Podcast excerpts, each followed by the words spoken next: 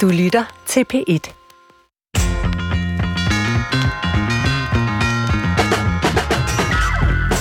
Vi søger og søger mod en mening.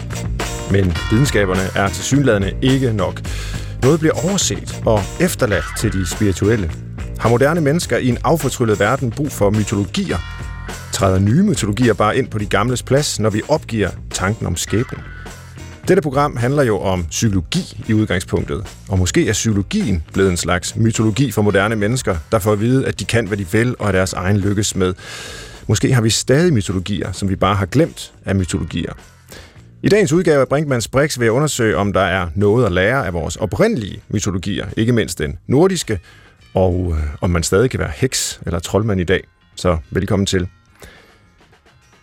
Det spirituelle bliver jo forkastet som hokus pokus, og som videnskabsmand er jeg altså heller ikke meget for astrologi og krystalhealing og den slags. Men der er stadig mange mennesker, der er tiltrukket af hele den verden, og det ser ud til, at mange savner en verden, der er fortryllet. Men noget i sig, der ikke rigtig kan forklares. Tilrettelægger, Christoffer Heide Højer. Lad mig lige her trygteste dig for at finde ud af, hvor du er på skalaen. Tror du på, at der er mere mellem himmel og jord, end man lige skulle tro? Jamen, jeg er godt og grundigt affortryllet. jeg skal skade det her og arbejde i det her viden, hvor vi konstant forsøger at finde ud af noget, vi rent faktisk skal sige noget om, i stedet for at snakke om alt det, vi måske bare gætter på. Øh, men lad mig da vente den om, Svend. Nå, det var Siger du selv, du er videnskabsmand. Øh, er der noget magi tilbage i dig? Jeg leder efter det, øh, og savner det måske lidt, både på egne og på kulturens vegne. Altså, på en eller anden måde er der jo masser af magi, ikke? Altså, øh, jorden drejer rundt, og jeg findes i den, og, og det er jo fantastisk i sig selv. Øhm, og så har jeg leget lidt, når du spørger så specifikt, så har jeg leget med et begreb, som jeg kalder det undernaturlige. Fordi jeg ikke rigtig er klar til at tro på noget overnaturligt. Altså tro på noget, der ligesom strider mod det videnskabelige verdensbillede, som jeg er vokset op inden for og forvalter. Men så er jeg begyndt at snakke om det undernaturlige, som det, som videnskaberne måske ikke kan forklare, mm. men som samtidig ikke nødvendigvis strider mod øh, et videnskabeligt Hvad kunne det være? Det kunne være kærlighed, tilgivelse, det kunne være måden, vi drager omsorg for de døde på. Altså, hvorfor gør vi det, for eksempel? Vi vil lige så godt behandle dem som... Øh, som affald eller nedfaldende blade, øh, smide dem i småt brandbart, ikke? Altså, det gør vi ikke. Og hvorfor gør vi ikke det? Øh, ja, det er jo et, et spørgsmål, der i mine øjne vedrører det undernaturlige. Mm. Og nu nævnte du lige det her med mytologier mange gange i indledningen. Ja. Hvad er det lige, du mener? Ja, det er jeg jo faktisk ikke helt sikker på, men begrebet øh, sådan intuitivt for mig henviser til nogle fortællinger om, hvorfor verden findes, hvorfor vi er i den, øh, hvordan vi er i den, øh, som, øh, som jo, det var det, jeg forsøgte at lægge op til, også psykologien har et bud på, ikke? Altså, hvor vi ligesom er i verden som sådan nogle atomer, ifølge psykologien, den moderne psykologi, der har nogle tanker og sådan noget ind i hovedet, som vi så kan reprogrammere. Øh, og der er min interesse i hvert fald øh, at sige, jamen måske er det for fattigt et syn på mennesket. Måske er vi naturvæsener, der er en del af verden i en helt anden og mere radikal forstand, og ikke sådan nogle atomer, der er udenfor på afstand af den. Og det er mit indtryk, nu er jeg jo slet ikke ekspert i, i, inden for mytologierne, men at, at mange af de mytologier, der har været og, og nok stadigvæk er, i langt høj grad har øh, ligesom, fortalt en historie om mennesket som en del af verden. Hvis jeg skal sige det sådan meget bredt og meget abstrakt. Øh, og det tror jeg bare, vi har brug for at forstå, simpelthen. Mm. Men, øh, men, men det er noget svært noget at tale om, ikke? Øh, og især når man har en videnskabelig baggrund, og, og ligesom har været med til at affortrylle verden, for noget at bruge. Det er jo sådan et gammelt begreb fra Max Weber, den gamle sociolog, ikke? For 100 år siden sagde han, moderniteten har affortryllet verden, fordi al formål og mening og værdi er forsvundet fra verden. Og så har vi så puttet det ind i os selv, puttet det ind i vores psyke i stedet for. En, der bestemt er fortryllet, det er Rane Villerslev, som vi har med i en, en gammel udsendelse om nisser. Og der sagde, fortalte han jo det her med, at øh, man kan finde det i det her lyd selvfølgelig, men at øh, hvis man samler alle de beretninger, der er om små mænd og figurer ude i naturen, alle mulige steder, alle mulige steder fra verden, Små mænd med trekantede huer. så er der et eller andet påfaldende over det, og i hans optik, så kunne man sige, at når så mange beretter om det, så mange oplever det, så må det også være sandt. Køber du ind på den her øh, måde, at vores oplevelse, vores oplevelse af verden er også den måde, verden så er på? Ikke umiddelbart. Altså, jeg synes jo, det er interessant, hvad folk oplever Og når vi taler det religiøse, det spirituelle og alt det, så har jeg ingen som helst interesse i at tage folks oplevelser fra dem. Hvis øh, Rane oplever, at der findes nisser, og at det ifølge ham er den bedste fortolkning af de beretninger, der er om de her små mænd, så synes jeg, at det er, er sjovt og pudsigt osv. Jeg kan ikke tro det. Altså, jeg, jeg, jeg mener, der er mere plausible forklaringer på, hvorfor folk har de her oplevelser. Så der, der må jeg sige, der står jeg i hvert fald indtil videre. Nu kan det være, at jeg bliver overbevist om noget andet efter i dag, men altså, der står jeg indtil videre lidt fast på den øh, videnskabelige grundholdning, at øh, oplevelser findes i verden, men det er ikke det samme som, at det folk oplever, også er oplevelser af noget reelt, der eksisterer i den form uden for deres oplevelse, hvis det ellers giver mening. Nogenlunde. Vi, vi kan jo godt kritisere hinandens oplevelser, ikke? Altså, og, og, og blive klogere. Det er jo blandt andet det videnskabelige arbejde går ud på. Mm. Og nu er det jo så hekse i dag. Ja. Hvorfor det? Jamen, det er øh, simpelthen kommet på dagsordenen. Altså, folk øh, taler om heksekunst og skriver bøger om det. Også en af vores gæster i dag om øh, trolddom, om magi, om øh, myter, øh, alt lige fra tarotkort, astrologi til den øh, nordiske mytologi. Altså, øh, jeg har en avis liggende foran mig her fra den 31. august, hvor vores øh, kultur- og kirkeminister Ane Halsbo Jørgensen er på forsiden øh, afbildet som vølve. Øh, og det er altså ikke hver dag, at Jyllandsposten har en øh, forside med en vølve på, og det er så ovenikøbet vores nye minister, og det bliver så kritiseret ind i avisen, også fra nogle præster, der siger, hvorfor stiller hun op i, sådan en, øh, i deres øjne jo, så sådan en hedensk øh, sammenhæng, når hun nu er kirkeminister også. Det bliver diskuteret. Øh, hvorfor gør det det? Jamen, jeg tror jo blandt andet, det har at gøre med øh, den her længsel, vi måske har efter øh, det mytologiske.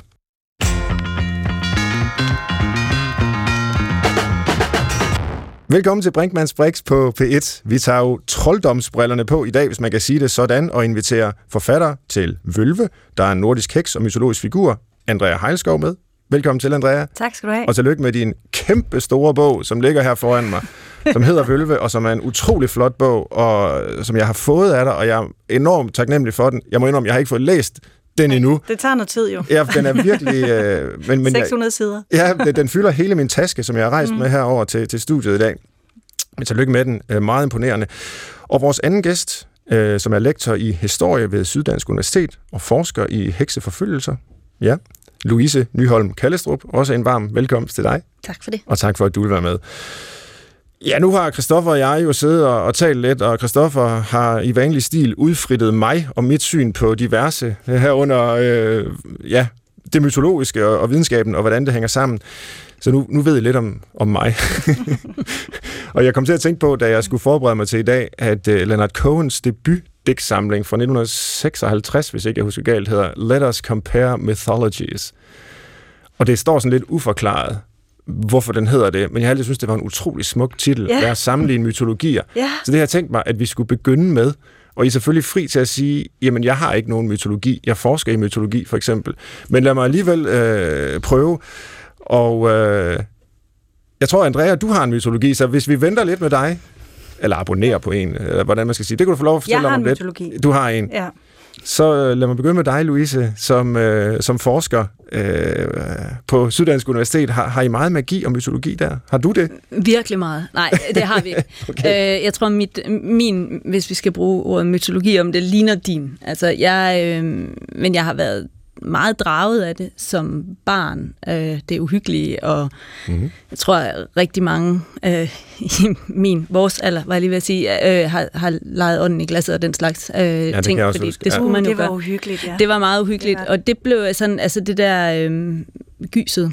Øh, men, men det har ikke altså været det, der på den måde har styret min forskerkarriere så meget. Jeg har bare været draget af det lidt uhyggelige, og, og, og, øh, og det er lidt dystre måske i forhold til, til, øhm, til det. Men, men i forhold til min egen sådan, personlige, så, så kunne jeg godt tænke mig at tro. Jeg tror, at min verden ville være nemmere, hvis jeg troede. Øh, jeg, jeg kunne godt tænke mig. Jeg, jeg tror, det ville repræsentere en vis orden for mig. Øh, jeg kan udmærket genkende det, du siger omkring øh, ritualer, øh, som jeg altså, som hører med til at være menneske grundlæggende set, at vi, øh, at vi har en bevidsthed om, om det, vi gør, og de mennesker, vi er omkring, og vi er sociale væsener på en helt anden måde, end dyrene jo nogensinde bliver, øh, uden at sige noget grimt om dyrene. Men, men øh, så, så for mig repræsenterer øh, det er jo nok, altså jeg, jeg står nok i, i, i videnskabshjørnet, øh, øh, hjørnet, øh, men vil gerne og vil ikke afvise noget, øh, og er enormt åben over for det, øh,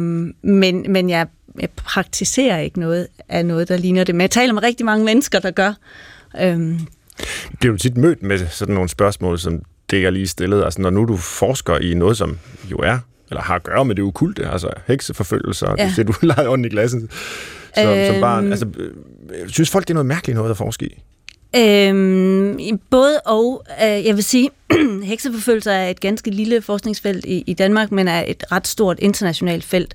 Ja. Jeg har været en, en, en del i det nordøstlige USA, hvor Salem ja. ligger, hvor der var de her ret massive forfølgelser øh, i slutningen af 1600-tallet. Og, og, og når man underviser derover, så er det nogle helt andre typer af studerende, man møder. Men, men jeg begynder at møde studerende, der praktiserer og, og identificerer sig som hekse og, og har øh, samtidig lidt vilde hårfarver og den slags. Og, men, men de er jo, altså, det er jo bare dem, de er. Øh, men jeg bliver ikke så tit spurgt om det øh, selv andet end i sådan nogle sammenhæng som det her, jeg har øh, før øh, været inde i, i, i programmer, hvor at jeg har skulle ja. tale om det.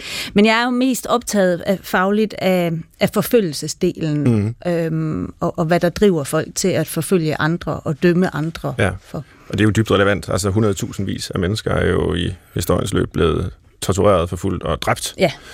Øh, så øh, ja, med, med, med den her baggrund. Så det er, jo, det er jo bestemt relevant, og lad os vende tilbage til det. Men Andrea Heiskov, du skal selvfølgelig også have det spørgsmål, øh, når vi sammenligner mytologier her. Hvad er din? Altså, det er jo det er alt for stort spørgsmål, Svend. det kan jeg ikke svare på. vi, har, vi har god tid. Men, øh, ja, ja, nå, men øh, jeg har den mytologi, at verden er levende. Jeg er grundlæggende animist, mm-hmm. altså mhm. praktiserende animist. Jeg tror på, at naturen er besjælet, og at vi ikke er adskilt fra naturen, som jo ellers er et ret, en ret stærk mytologi ind i videnskaben. At der er, nu nævnte du dyrene, og så er der også. Og sådan. Jeg har mere en... Øh, en, øh, lad os bare sige, holistisk tilgang til, til virkeligheden. Jeg ser den som, som besjælet og levende. Ja. Det er det grundlæggende. Og så er jeg, skal bruge det andet fint ord, så er jeg jo polyteist. Jeg, jeg, jeg tror på de nordiske guder. Ikke? Mm. Vi, har, vi har fået at vide, at asatro er et meget kikset ord, så det arbejder vi lidt med i miljøet. Og så, og så når vi skal finde et nyt ord, og sige hedninger, eller nordiske animister, eller Øh, altså, der er, sådan et, der, der er nogle ord, der trigger folk, når vi snakker mytologier, og ja. der er heks noget, der trigger, mm. ikke? og øh, asatro er noget, der trigger. Og det er jo med vilje, at jeg så skriver en bog, der hedder Vølve, fordi jeg vil gerne ind og sige de der øh, lidt uhyggelige ord, ja. fordi så kan vi snakke om dem. Havde de selv, altså for 1000-1100 år siden, altså et ord for deres religion? Nej, as, nej det havde de ikke. Og, det, og det er jo også interessant, hvis vi ser på altså mange oprindelige øh, spiritualiteter eller naturreligioner, de, de har jo heller ikke som sådan et ord for naturen. Nej. Det er jo noget, vi har i vores vestlige øh, moderne kultur, ikke? at vi, vi har opfundet naturen, og vi har opfundet religion. Altså engang var verden bare, engang var verden bare besjælet. Mm. Har du altid haft den øh, opfattelse, eller hvordan har du tænkt før, hvordan, ja, hele spørgsmålet, hvordan er ja. du endt med at, at, at tro det her? Hvordan endte og, jeg her? Ja. ja. Jeg, endte, jeg startede med at læse psykologi, hvor jeg læste en, en øh, hvad hedder det, en, et, du har skrevet en antologi, øh, et eller andet om, at alle dem, der var New Age, de var virkelig dumme. Og det kan jeg, det kan jeg huske. Måske ikke jeg kan huske det. Jeg synes, det er meget karmisk og fuld cirkel at sidde her i dag, fordi ja. jeg blev vildt provokeret over det der, det der indlæg i den antologi. Øhm, men jeg var, øh, altså jeg havde en, en psykologisk ligesom, orientering, og jeg ville gerne forstå menneskets psyke, og jeg gik helhjertet ind i, i akademia og tænkte, at jeg skulle have en karriere og blive professor i psykologi. Altså jeg var virkelig undervist også på universitetet. Jeg gik meget op i det. Øhm, men så skete der, øh, jeg har selvfølgelig en, en længere historie, men den sådan korte version er, at min lille søster døde i en tra- tragisk soloulykke som 19-årig. Øhm, og det var for mig, altså det er jo tit sådan, at når man bliver religiøs, så kommer det på grund af en livskrise, ikke? og for, jeg kan stadigvæk ikke forstå det. Altså fatter ikke, hvordan en ung kvinde kan være væk, og hvordan livet kan gå videre. Øh, og, altså der er bare noget sådan, Hvordan skal vi forklare det videnskabeligt? Du ved, der er bare et eller andet, sproget rækker ikke til den oplevelse. Og så begyndte jeg ligesom at undersøge det spirituelle i gåsøjne. Øh, og så fandt jeg øh, de, de nordiske asatroner, jeg synes, de var super kiksede, det ville jeg ikke være. Og så øh, fandt jeg heksene, de var lidt mere cool. Og så blev jeg køkkenheks. Øh, og det vil sige, at jeg begyndte at gå meget op i årstidstraditioner og mad, som øh, hører sammen med bestemte fejringer, og hvad de øh, symboliserer, hvad det betyder madritualer. Øh, men jo mere jeg læste om det, jo mere fandt jeg ud af, at vi jo faktisk her i vores region i Norden har en ret smuk og lang øh, åndelig tradition. Så det virkede på en måde lidt skørt at studere amerikanske indianer eller aboriginals, fordi der var faktisk noget her. Og via hele det her madfokus kom jeg lidt ind på det. Og for eksempel nissen. Øh, offre mm-hmm. i grød til nissen, jer der sidder her da børnene var små. Ja, ja er noget af den stil. Det er jo helt vildt, for det er jo et animistisk ritual, der er altså tusind år gammelt. Nissen er hjemmets ånd, og i gamle dage var nisser ikke små mænd. De var okay. kæmpe store ånder og farlige, så det var vir- virkelig vigtigt at give dem denne her grød, fordi det er rigtig godt at stå på god fod med den ånd, der ligesom bebor ens hus. Ja. Så på den måde, så via de her sådan konkrete ritualer, små ritualer, som at ofre grød til nissen, så begyndte jeg at studere mere og mere det nordiske. Okay. Og nu kalder du dig asatroende, eller leder måske efter et andet ord for Ej, det. jeg kalder mig asatroende. Det, det, det, det holder vi fast ja. i. Altså, kan du forklare mig, som ikke ved ret meget om det, andet end fra øh, tegneserier og så videre, ja. hvad, hvad det indebærer? Altså, hvad tror man på. Altså, vi har jo sådan personificeret øh, Odin og Thor og så videre, øh, ligesom man ofte personificerer den kristne gud, når man mm. øh, afbilder ham og sådan noget, ikke? Men øh, tror man, at, at, at Thor rider rundt med, i sin vogn og kaster med hammeren der, og så tordner det, eller øh, hvad, hvad ligger der i det? Ja, det tror vi på. Men øh, vi er moderne mennesker, der er vokset op i et videnskabeligt paradigme. Jeg ved godt, at torden skyldes gnidninger mellem højtryk og lavtryk, men der kan godt eksistere to sandheder på samme tid. Der, det kan være en videnskabelig forklaring af, hvad der sker, men hvor er den følelsesmæssige forklaring? Der har været øh, tung luft og lummert og øh, spændinger og småskænderi, og så kommer tordenen øh, og renser, og der kommer regn, og, og man føler sig lettet bagefter torden. Mm. Den, det er jo en kropslig følelse. Så det kan man sige, det er den følelsesmæssige, kropslige Øh, øh, fortolkning af denne her myte. Og den rent religiøse fortolkning er, at Thor er menneskets ven og beskytter, og han kæmper mod jætterne, som øh, er kræfter, der søger at ødelægge civilisationen, hvis vi har gjort os uvenner med dem. Ikke? Så han, det er sådan set godt, at han tager ud og nakker nogle jætter, fordi så passer han på os. Så når det tordner, så bliver jeg glad. Jeg synes, det er vildt dejligt, og jeg kan også godt blive sådan lidt hippie og sige, at det bedste er at gå nøgen ud og du ved, i regnen, når det tordner, jeg synes, ah, I'm alive. Så, øh, så ja, jeg tror på det, men jeg tror ikke på den tegneserie, tror du har inde i hovedet, ja. når vi snakker om det. Mm.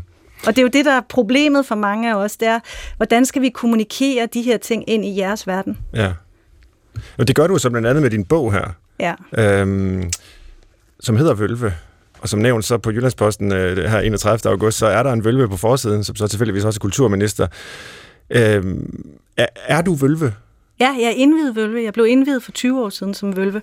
Og en vølve er en... Øh, øh, fortæller og udvider af virkeligheden okay. i nordisk mytologi. Så det er en ret central figur, og vi, vi har masser af beretninger om dem, øh, og så kan vi internt være uenige om lige præcis, hvilken form for magi vi praktiserer. Men der findes vølver i det nordiske univers, som er sådan set en nordisk pendant til den mere sådan kontinentale heksefigur. Ja, okay.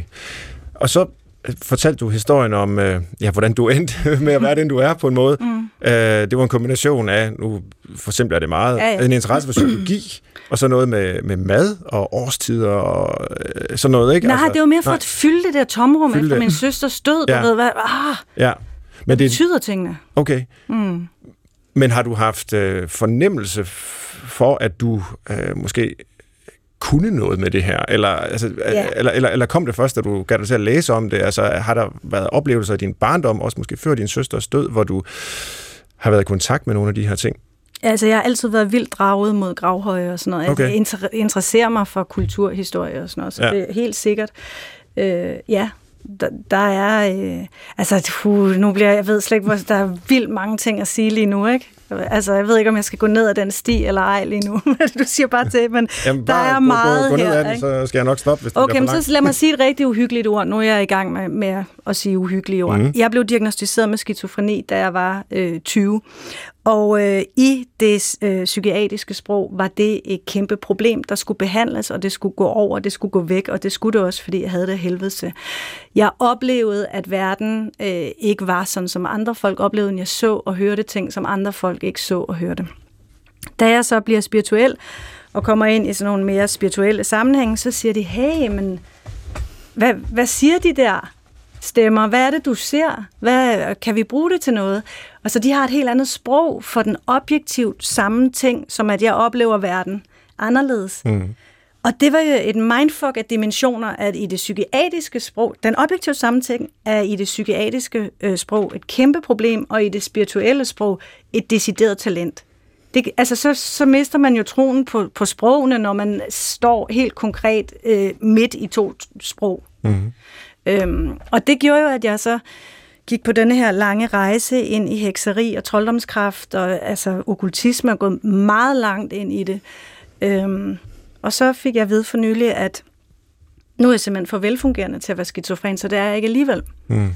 Og så har jeg det sådan lidt... Mm, der er jo nogle ting i psykiatrien, hvor at den faktisk kommer til kort, som vi slet ikke snakker ordentligt om. Hvorfor er det primært kvinder, der går ned med stress, for eksempel? Hvad, hvad har vi af, du ved, viden om det? Mm. Hvor, hvorfor er der bare sådan et sprog, vi har accepteret som sandt, uden at begynde, altså uden at stille spørgsmålstegn til det? For, altså, det ved I jo, videnskab skal man stille spørgsmålstegn til. Mm-hmm. Den gamle psykiatrikritiker Thomas Sass, han havde det her sådan bon ikke, hvor han sagde, hvis man øh, beder til Gud, så er man religiøs, og hvis Gud svarer, så er man skizofren. Ja. Altså, fordi det, det, det kan være et af symptomerne, ikke også? Altså, det er, man, det er jo man lidt uheldigt. Man kan høre stemmer. ja. uh, det kan måske være Guds stemme, man har ja. uh, en fornemmelse af at høre.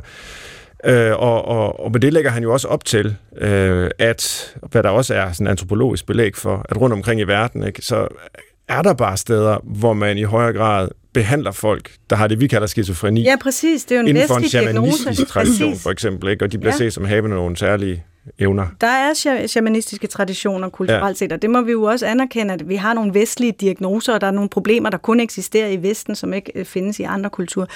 Men uh, that being said, så vil jeg jo gerne lige have et lille arbejderbej indskudt her, at selvfølgelig findes sygdom, og selvfølgelig findes skizofreni, som er øh, ødelæggende for folk. Så det er jo ikke sådan et, at jeg er ikke antipsykiater på nej. den måde, men der er altså en alt for stor kategori af mennesker, vi diagnostiserer som forkerte i vores kultur.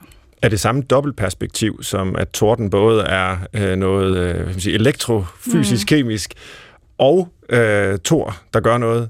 Jeg øh, tror, det er den skizofrene erfaring ja. i virkeligheden, at der kan godt være to sandheder på samme tid, og det, det strider jo for sådan nogen som jer, fordi I er vokset op i, der kan kun være én sandhed. Men hvis man ser på det, altså sådan øh, religionshistorisk og kulturelt og sådan noget, så det, det er jo en meget specifik periode i menneskehedens historie, hvor vi har troet helt monoteistisk og videnskabeligt på én sandhed. Mm. Fordi erfaring er jo kompleks, verden er kompleks og selvmodsigende. Og nu skal vi videre også og ja. høre uh, Louise fortælle om sin forskning uh, inden for, for heksehistorierne her, men jeg kunne godt tænke mig, Andrea, før vi forlader dig lige, uh, få klarlagt, hvad er egentlig forholdet mellem uh, vølven og, og heksen? Er, er du både vølve og heks? Ja, det er jeg, og det er to forskellige traditioner, kan man okay. sige, fordi det, som der ude i populærkulturen er, er kendt som, som hekse, det er en helt bestemt, øh, ligesom, det er et bestemt sprog, apropos, ikke? Øh, og en vølve er mere over i det shamanistiske, hvor at de moderne hekse er mere over i magisk praksis. Okay. Og det er jo så øh, en anledning til at, at vende mig mod, mod dig, Louise Nyholm Kallestrup, øh, fordi vi skal også have det historiske perspektiv med, når det handler om hekse, også specifikt i Danmark, fordi jeg tror, at du kan hjælpe os med at forstå. Øh, et sted at begynde, det kunne være at spørge aktuelt, hvad laver du så som forsker øh, inden for det her område?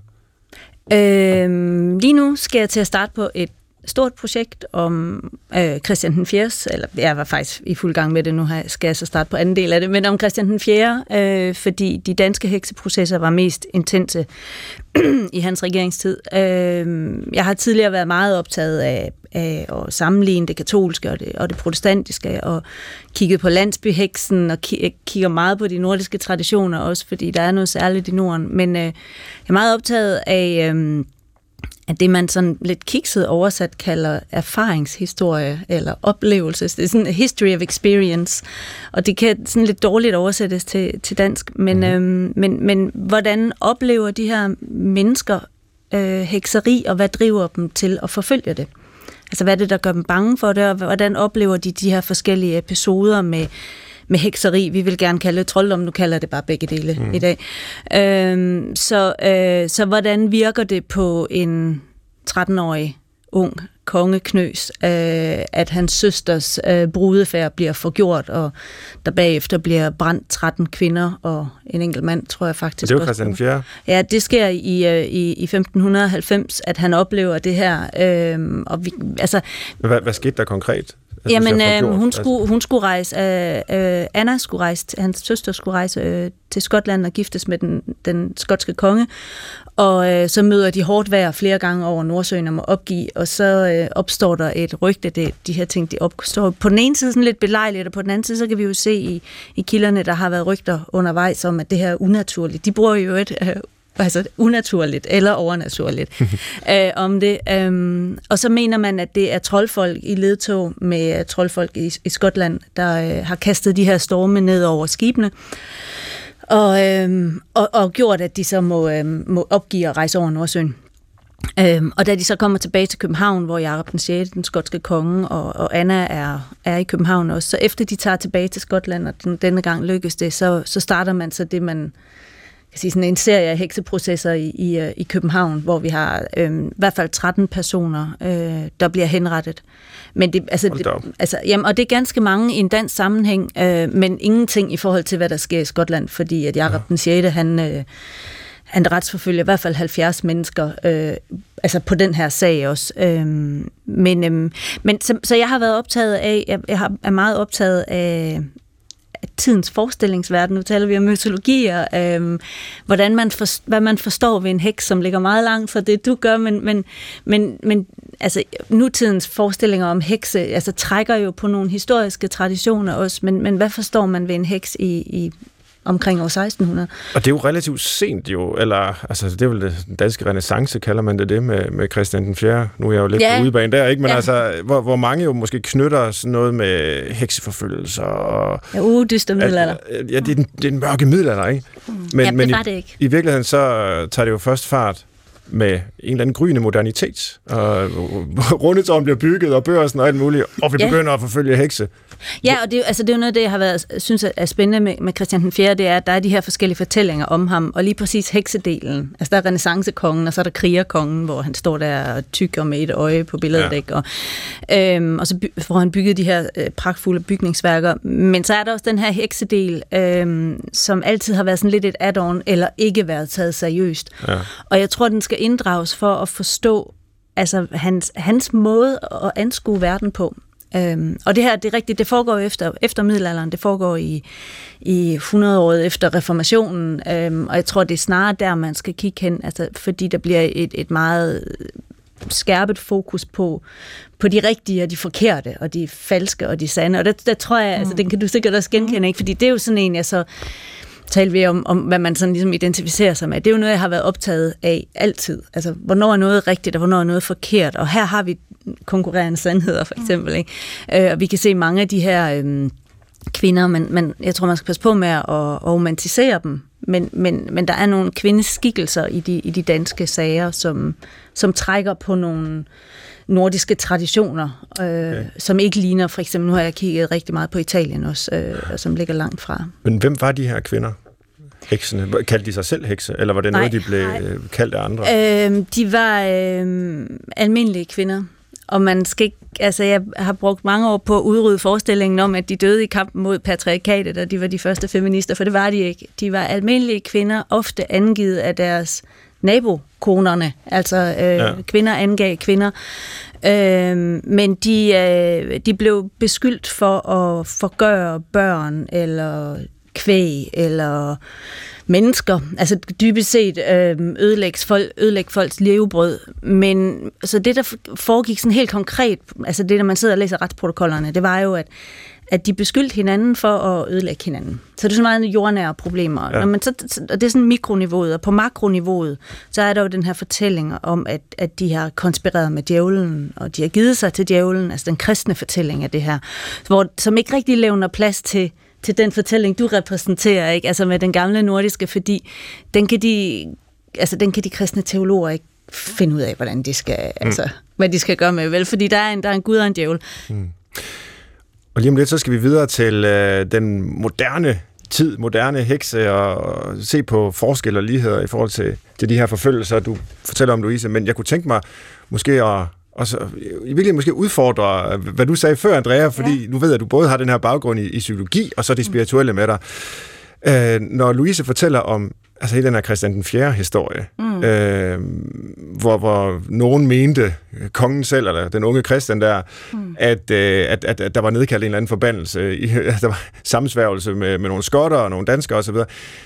Hvis nu det er hans oplevede virkelighed, mm. altså hvis, hvis det nu, han lever i en verden, hvor heksekunst er, er virkelig, det er i hvert fald hans oplevelse, at det er virkeligt, er der ikke en fare for, at, øh, at man så at sige kan øh, understøtte en sådan frygtelig jo, altså mm. uretfærdig øh, dom, der blev sagt. Jo, men de dit her... spørgsmålstegn tager udgangspunkt i, at vi har en renere og finere sandhed, som ikke gør præcis det samme. Ja. Og det gør videnskaben for eksempel, og det har industrialiseringen også gjort. Den har været ond, og den har fældet alle skovene og forurenet alle søerne og træerne, og der er masser af folk, der er døde i selvmordsepidemier og ensomhedsepidemier.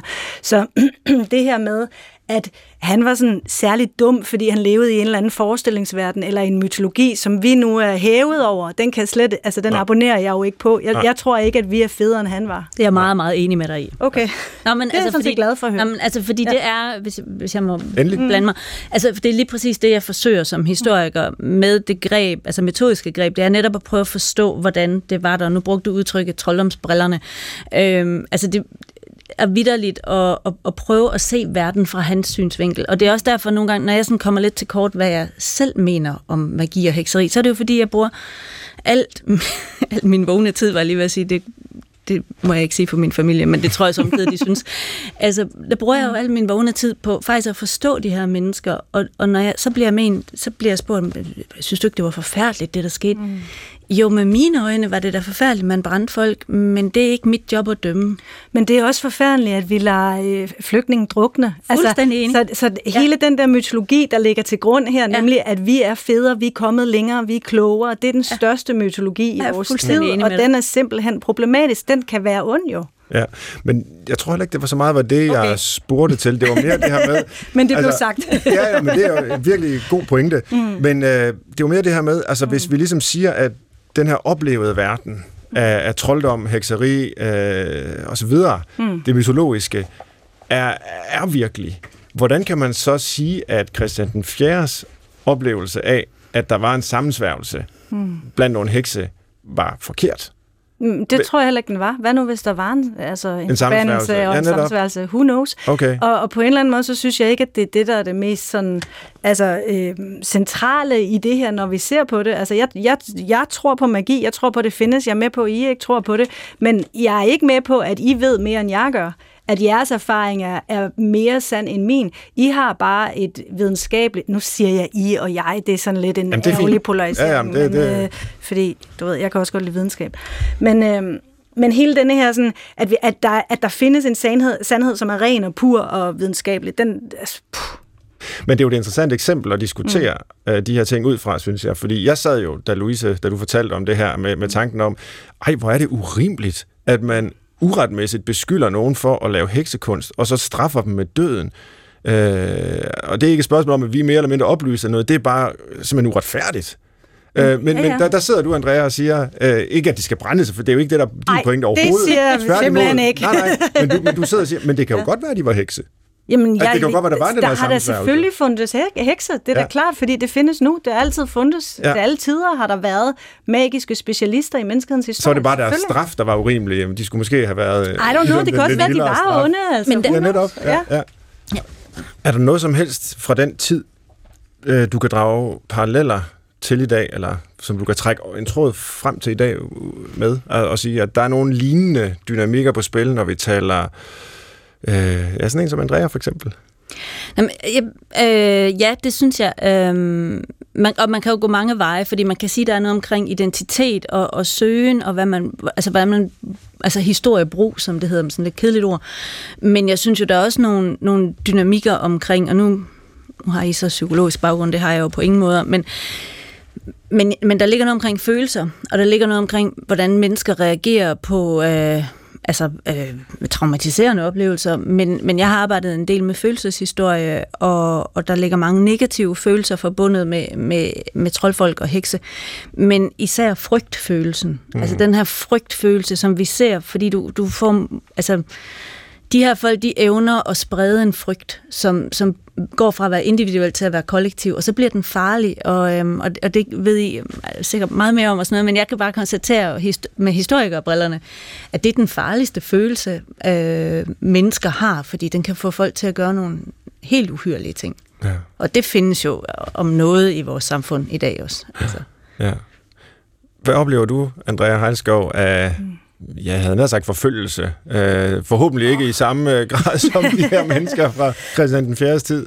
Nå, men jeg oplever, at øh, for eksempel ordet heks, det er et ord, der skaber lidt frygt, eller måske bare ubehag, hvis man siger det, og det er så også derfor, jeg siger det. Øhm, og jeg tror, at det er et af de... Altså, vi har jo ikke noget sprog for det over- eller undernaturlige rigtig længere, vel? Så der er ligesom, der er nogle, der er nogle ting, der prikker til vores til det ubehagelige, når vi snakker om magi og sådan noget. Men samtidig så lægger jeg jo også mærke til, at de begge to, helt i indledningen af programmet, øh, øh, på en eller anden måde siger, at I gerne vil tro. Altså, så vi kan godt snakke om mig og min historie og min story-skabning og identitet og bla bla bla, men der ligger jo også i kulturen et ønske om øh, at være, blive mere religiøs eller spirituel for øjeblikket. Det oplever jeg som et behov, der er kulturelt set. Og der, øh, der er altså øh, kun øh, nogle meget stereotype kasser at være troende på lige for øjeblikket, der synes jeg. Der er de store monoteistiske verdensreligioner, og alle kvinde, al kvindespiritualiteten i gåsøjen, det er krystalhealer og sådan nogle øh, ravlejlager, dem griner vi af, fordi har, det kan ikke, puha, uh. Øh, men det er en ret stor procentdel af befolkningen, alle de her kvinder. Der er en kæmpe stor procentdel af befolkningen, som øh, læser stjernetegn og går op i alt sådan noget, som vi ikke kan forklare. Og i stedet for at forklare det og gøre grin af dem, hvilket jeg synes, vi gør. Det er der parallellen er. Jeg synes, vi gør grin ja. af, det, af det religiøse. Øhm, der tror jeg, at tiden er inde til, at vi begynder at kvalificere den samtale lidt.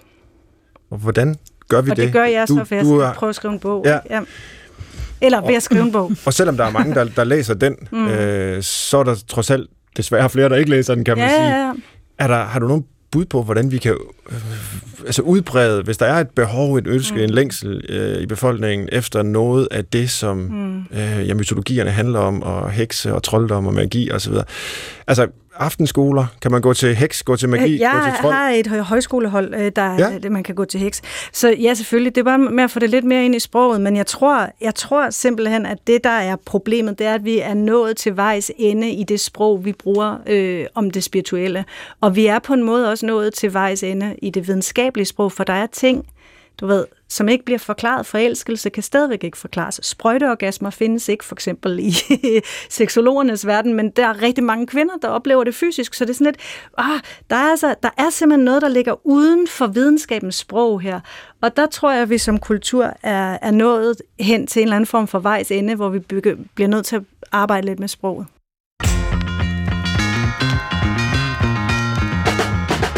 Du lytter til Brinkmanns Brix på P1, hvor vi i dag har besøg af forfatter og vølve Andrea Heilskov, samt lektor i historie fra Syddansk Universitet og forfatter til Heksejagt, Louise Nyholm Kallestrup.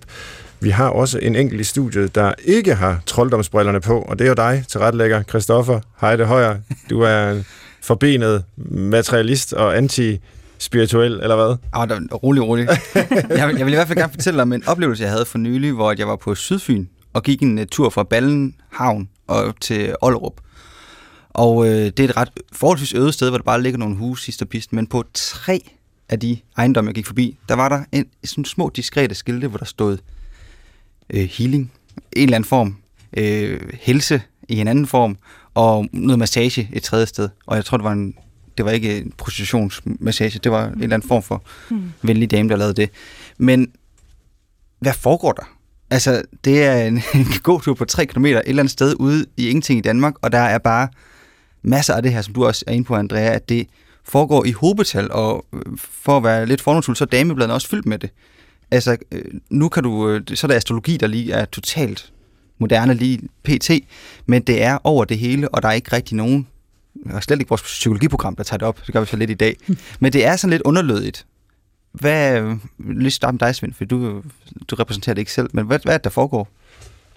Ja, så den, den øh, sådan øh, meget sådan helikopterperspektivsagtige analyse, som jeg, det er det bedste, jeg kan komme med, det er den her altså lange, lange affortryllelse af verden. Og jeg tror, at religion er øh, religiøs søgen, så kan vi kalde det spiritualitet, vi kan kalde det forskellige ting, men er et, et, nærmest et instinkt hos øh, mennesket. Altså, vi har brug for de der store fortællinger, store sammenhænge, store forklaringer. Øh, ikke bare øh, sådan den videnskabelige forståelse af, hvordan universet har udviklet sig og er skabt, og hvorfor jeg med sådan noget DNA, der mødes og så videre, skaber mig. Øh, det, det, det er jo sådan en forklaring, men det giver mig jo ikke nogen forståelse af, hvordan det er at være øh, mig i en verden, øh, som også er større end mig. Mm. Så vi, vi danner hele tiden de der øh, sammenhænge, billeder og mytologier, og øh, det har jo så været væk i en årrække, eller i hvert fald fortrængt, og, og, og nu pipler det så frem. Altså, det, det, det er nok det bedste bud, jeg har. Hvad vil du sige, Louise? Fordi du, går du til rav, eller hvad vi skal Går du til rav? eller hvad, det, hvad det kunne være. jeg går ikke til rav. øhm, men jeg kan godt genkende... Øh, altså, jeg, jeg ved ikke, hvornår det starter, men jeg vil i hvert fald sige, at nu har jeg arbejdet med det her i 20 år, og det er nok inden for de seneste 8-9 år, at jeg er begyndt at blive spurgt rigtig meget. De seneste 5 år, der er, er Heksebåls Sankt Hans diskussion, den har også taget en drejning. Øhm, så jeg kan godt genkende det ved dig, eller det du siger, øhm, og jeg, det er jeg meget enig i. Jeg tror, øhm, jeg tror, jeg vil brede det ud til, altså, der er også nogle af os, der godt kan lide at læse noget, som nogen skrev i rigtig gamle dage i 1200-tallet for eksempel, for at finde ud af, at der har været nogen før os, der har haft nogle tanker og nogle forestillinger om livet, og så kan det godt være, at de var øh, munke i Dominikanerkloster, men de gjorde sig nogle tanker om, hvordan det hele var skruet sammen, og jeg tror, det handler rigtig meget om at være menneske. Øh, men det er jo ikke alle, der der finder det voldsomt interessant at læse Thomas Aquinas eller noget i den stil. Mm. Øh, øhm. Det er kun dem, der ikke har prøvet. ja, jeg vil også sige. der er en første gang for det hele. Men, mm. men så derfor så tror jeg, at, at, at at det, det er meget bredere end, end bare, og nu kan man ikke se mine godseøjne, øh, øh, krystaller og, og rav. Og, mm. og jeg er meget enig med dig i, det bliver sådan, altså det bliver set ned på. Øh, og jeg skal ikke, det skal ikke være nogen hemmelighed. Jeg vil heller ikke, når jeg er ude, så, så arbejder jeg også meget for som foredragsholder ikke at tage rav på. Altså det kommer så måske helt af sig selv, men, øh, men altså netop fordi jeg vil ikke signalere, at jeg mm. kommer der i sådan et ærne. Og det har jo egentlig ikke noget med, det er ikke noget med et nedladende syn, det handler mere om sådan et professionelt syn på det, jeg skal formidle.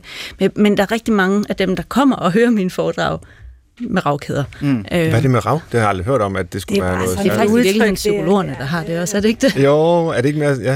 Øh, Men der er måske en eller anden, øh, er der en magisk effekt ja, i rav? Det er meget, altså frejergrader, tårer, rav og sådan noget. Der har, har en meget lang kulturhistorie. Ja, ja. Men jeg, jeg, jeg, jeg, vil faktisk gerne spørge dig, ja, om jeg vil rigtig gerne. vende den lidt, og så sige, hvad er det, du har fundet i det, du har fundet? Nej, det vil jeg ikke. Jeg vil hellere svare på spørgsmålet. Jamen, så kom med den først, så spørger jeg bagefter. Nej, men jeg synes, at Øhm, jeg bliver bare nødt til at sige, at der er en feminismevinkel her, som simpelthen, altså også når du fortæller, ikke? Altså, du kigger på alle de her kvinder, hvad fanden sker der, hvor er de underlige, jeg fatter det ikke. Og der er rigtig mange mænd, der sidder og producerer samfundsdiskursen, så der er altså der er et feministisk problem her omkring, at du ved, det er bare latterligt, og det vil jeg, så er det så er den sagt. Derudover så tror jeg, at det er et udtryk for en form for ydmyghed, at vi simpelthen vi kan se, at shit's not working, klimakrise, alle mulige ting. Folk går ned med stress og sådan noget, hvilket i øvrigt jo også øh, statistisk set er flest kvinder. Så vi er ligesom, der, der er simpelthen bare noget, der ikke virker. Og det burde virke. Samfundet burde, det hele burde virke. Systemet, maskinerne, det burde virke, men det virker ikke. Og det tror jeg alt det her er en reaktion på. Og så søger vi og leder vi. Og det siger der noget vildt smukt om menneskeheden, at vi leder. Det er sådan, når jeg bliver rigtig deprimeret på Facebook, så tænker jeg, hvor er det egentlig sødt. altså, det er da vildt sødt, at vi leder efter en mening. Ja, det er mere charmerende, end at have fundet svar og, og ja, udbrede det. Men præcis. du må så høre, hvad er det så for et svar, du trods alt har fundet? For du, du er jo ikke, mm. du er selvfølgelig søgende i en eller anden forstand, men du har også fundet et svar. Jamen, jeg har ikke fundet et svar, der gælder for alle, og det er det, der er forskellen i at være i igen, undskyld. Men vi er vant til, at religion er et svar på et spørgsmål, i stedet for et spørgsmål. Mm-hmm. Og det, jeg skal forklare folk, når jeg forklarer, at jeg er spirituel, så skal jeg forklare, at jeg er ikke monoteist først, før jeg overhovedet kan forklare, hvad jeg så tror på. Jeg tror ikke på én sandhed. Jeg tror, at verden er kompleks og, og forvirrende, og der er mørke og lys og muld og alle mulige... Altså, det er en stor rodebunke. Mm. Og i videnskaben har vi forsøgt at tage alle de små dele ud af helheden og studere dem. Og så har vi alle de her tusind dele, og helheden er sådan lidt tom. Ikke? Så det, jeg tror, det er en tomhedsfølelse, fordi vi har fokuseret på delene, og nu begynder der at komme et behov for helheden. Men jeg må alligevel godt spørge, fordi der, det lyder jo også til at være en eller anden form for ro, det giver. Eller hvad? Ja, altså Eller det er så, noget det, som menneske jamen, at, det at ved, have det, en ja, mytologi? Ja, men det findes der jo så også undersøgelser, det kan du så back, back mig op på, det findes der jo også psykologisk, at folk, der har en religion, har det bedre og lever længere og sådan noget. Så der, ja. jeg er enig med dig, at det, jeg tror, det ligger wired i vores hjerne, at vi har en, sådan, en eller anden form for spirituel eller religiøs øh, forståelse. Og alle de her spirituelle teknikker, vi kan jo bare kalde det kognitiv, altså kognitiv terapi, det virker jo. Jeg, jeg kan godt følge dig. Jeg er ikke helt enig med din, din øh, øh, beskrivelse af videnskaben, fordi jeg synes lige præcis det, vi gør i videnskaben, i hvert fald i, i den del af videnskaben, jeg repræsenterer, mm.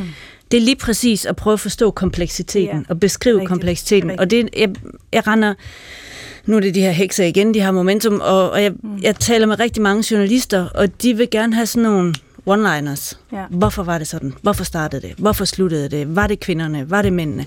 Altså, og, det, og derfor så, øhm, så øver man sig i at sige ting meget kort. Men jeg tror i virkeligheden, at, at øh, jeg tror, at der, der er, det kan godt være, at der er dele af videnskaben, bare ikke, ikke jeg vil våge påstå, ikke på humaniora. Men, men, øh, men jeg mener snarere, det, er andre dele af vores samfund, hvor øh, vi i virkeligheden, ligesom man gjorde i 1600-tallet, er utrolig optaget af, at noget er rigtigt og noget ja, er forkert. Det er enig og, og ting skal se sådan ud. Og, øhm, og, og nu er man ikke humanist, når man er, er, er uddannet inden for psykologi, men, oh, men I kan nok... I øh, Aalborg der er vi på humanistisk fakultet, okay, det er jeg meget ja. glad for. det kan jeg godt forstå.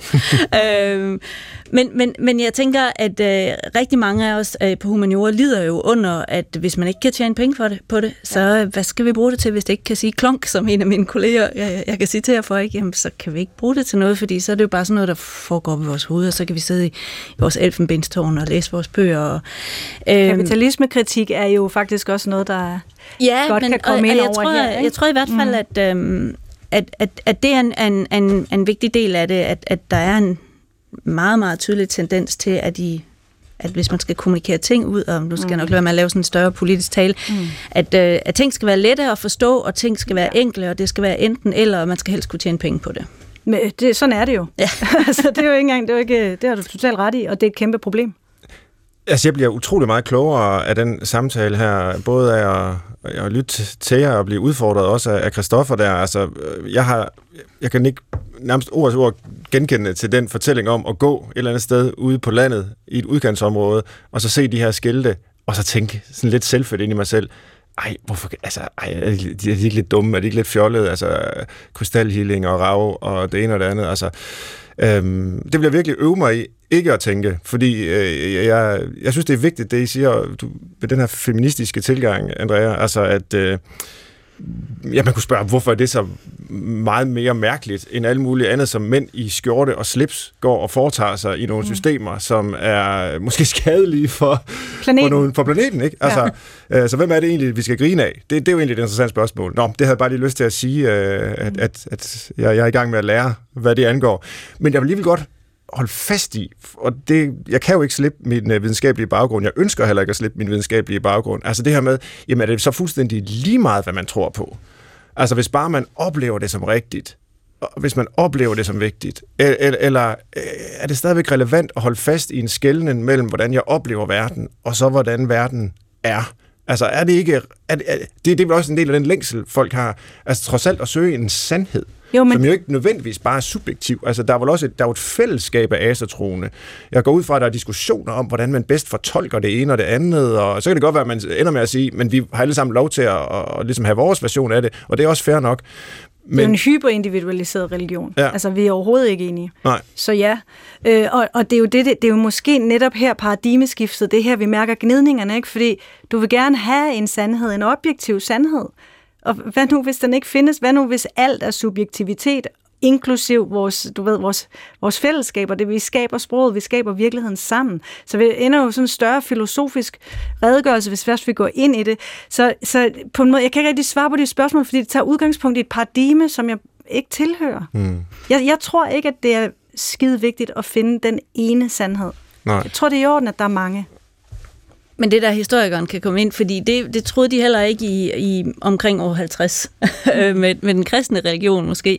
Der havde de nogen, altså så jeg, jeg tror, øh, jeg, jeg ved overhovedet ikke noget om asetro, øh, så jeg skal ikke på nogen måde gøre mig klog på det, men jeg kan godt følge dit spørgsmål, fordi at, at individualis, uh, individualisterne og den individualiserede tro, den fungerer jo kun indtil der er nogen, der vil bestemme øh, og nogen, der vil fortolke, og at der, det skal være deres fortolkning, der er den styrende. Og, øhm, og det er jo i hvert fald det, vi har set i, i kristendommen. Vi ser det jo i, i alle religioner. Ikke? Altså, hvem... Nej, ikke, det gør vi ikke. Vi ser det Men, ikke i de på, på før-kristne religioner. Det er en, altså, ja, okay, en monoteistisk så, tankegang. Men, men i, altså, hvis man kigger på sådan den, altså, udover, hvad skal man sige, det religiøse landskab med de gamle religioner, så er det jo her, vi har humlen til, til konflikterne, netop at, at at de fortolker forskelligt, og okay. der ikke har været en accept af, øh, hvordan man Altså, at, altså det er jo derfor, nu har jeg studeret kætter rigtig meget, ja. og kætterforfølgelser, ikke? Altså det er lige præcis der, de kommer ind i billedet. Ja, men det er jo det, der er interessant her, det er, at det kommer altså med kristendommen, og det bliver bare nødt til at sige, desværre ender vi så i en øh, kristendomsdiskussion, som jeg ellers er meget varsom med at gå ind i, fordi det er et virkelig farligt territorium. Men i de nat- naturreligioner, i de førkristne religioner, er der ikke sandhedsmonopol. Det er jo hele, det, det er altså noget, der kommer med, at der er rigtigt og forkert, der er Gud og djævlen. Ja, I asetroen og eller i den gamle hedenskab, så kunne du tro på, hvad fanden Gud du ville tro på, og jeg kunne tro på min. Det var okay. Der var, altså, vi, der var ikke brug for at lave et sandhedsmonopol. Så det er altså historisk set med min begrænsede viden, jeg, det kan godt være, der er nogle lyttere, der så skriver et eller andet ind, men altså, det er en monoteistisk tankegang, det der. Men det er vel også noget af det, der er Altså noget, jeg, jeg synes i hvert fald, det er noget af det fascinerende ved, ved for eksempel øh, ja, den, ved asatroen og alle mulige andre øh, polyteistiske religioner. Ikke? Mange, mm. De er jo mm. regionale. Ja, de er regionale, altså, og de er ikke missionerende. Guderne er her. Mm. Ja. Og hvis man tager et andet sted hen i verden, jamen så, så er de der ikke. Nej. Hvorimod den, den ja. kristne Gud, øh, han, han hersker over himmel og jord, ikke? Ja. og han er over det han hele. Er universel. Han var fra tidernes morgen til, ja, ja. til slut. Han, mm. Ja, universel, ikke? Uh, nu nævner også nisserne som husguder. Ja. Altså næsten er i det her hus. Og tager man et andet sted hen, så, så flytter nissen ikke med. jo, det, så, flytter, så flytter nissen ja, med, fordi nissen er konkret. Ja, ja. Nissen er ikke universel. Ja. Men, øh, men jeg har indimellem tænkt på, øh, og det er jo sådan en meget kætters tanke, men om, om fremtiden burde være polyteistisk. Altså fordi det jo nok er årsag til mange konflikter, at man ligesom vil udbrede sin forståelse af verden og af, hvad det hele handler om, til alle de andre. Men tænk nu, hvis de har nogle andre guder, ikke? Altså, jeg mener, at sandhedsmonopolet er altså, ubetinget historisk set altså, det største problem, der har været her. Altså, det er et problem, og det intolerancen kommer af den. At jeg er sådan set enig med dig, så det er slet okay. ikke det. Og jeg skal også skynde mig at sige, at jeg er jo ikke teolog, så det er heller ikke sådan, at jeg er ude og, og missionere for den kristne. Mm. Jeg, jeg tror bare, at, at, at der, hvor jeg... Øhm, hvor det sådan skuer, det er jo fordi, det, for mig bliver det øhm, enormt idealiseret. Mm. Og det, altså, fordi jeg synes, det bliver sådan lidt den der, hvis, hvis vi alle sammen var pacifister, så, kom vi ald- altså, gik vi aldrig i krig.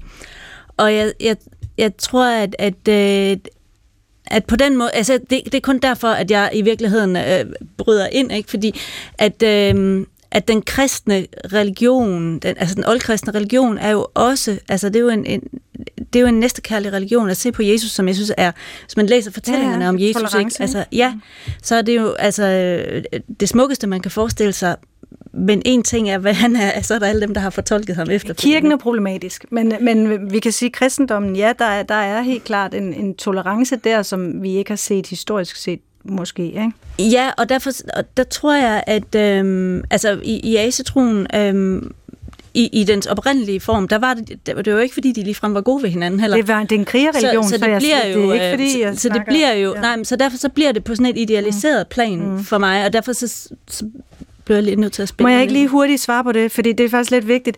Jeg tror på, der hvor vi clasher nu her, det er fordi, at øh, ideen om fred og fordragelighed, tolerance og, og enhed og lys og lykke og sandhed, det er, altså, sådan, sådan er verden bare ikke, og sådan var den heller ikke for hedningerne. Der var også, de var jo vildt voldelige. Så det er jo slet mm. ikke for at sige, at det er sådan, at du ved, alle tror bare på, hvad de vil, og så er vi venner. Nej, altså. nej, sådan var det jo heller ikke.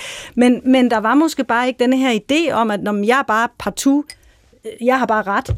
Vi kan slås om noget konkret. Du ved, den her mark kan vi slås om, men slås om sandheden, det er skørt. Mm. Det har været en enormt interessant samtale, øh, hvor jeg virkelig har forsøgt at kan man sige, øh, lægge mine videnskabelige forsvarsværker ned, og måske selvfølgelig et eller andet sted holde fast i dem, men, men gå ind i det her med, med et åbent sind. Jeg synes, jeg har lært meget. Håber også, øh, I har og lytterne har. Vi mangler lige et punkt, og det er vores øh, gammelkendte liste, som vi gerne runder af med i programmet her. Tre grunde til kun at tro på det, der kan bevises. Har I indspillet til den? liste? Ja, det vil jeg godt sige, fordi nu har jeg siddet og sagt ja. Øh, alt det modsatte.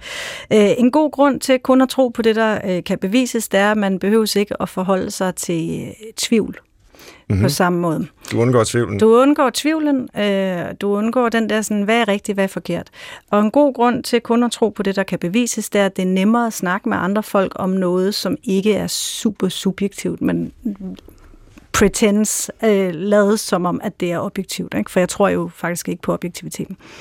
Øh, og den tredje ting er, så passer du ind, og der er ikke nogen problemer, der er ikke noget, ja, du ved. du passer ind. Ja. Det var godt nok imponerende. Fyret af der. Tak for den, Andrea Heilskov. Louise, har du... Øh... Altså, jeg tænkte mere i retningen af råd. Øhm, ja. og, og der vil jeg sige, øhm, øhm, sådan lidt, lidt kedelig historiker, sørg for altid kun at basere din viden på det, du kan læse i kilderne. Og mm. aldrig nogensinde. Hvis det ikke står der på skrift, så, så har det ikke været der.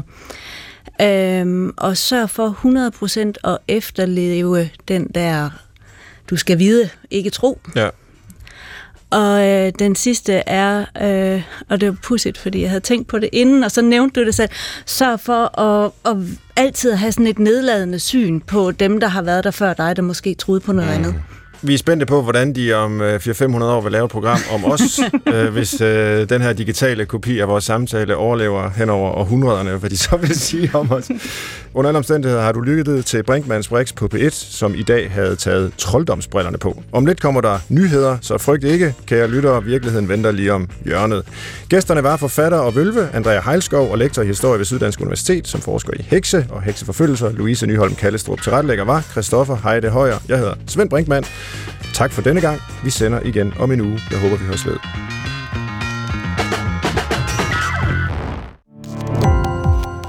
Gå på opdagelse i alle DR's podcast og radioprogrammer. I appen DR Lyd.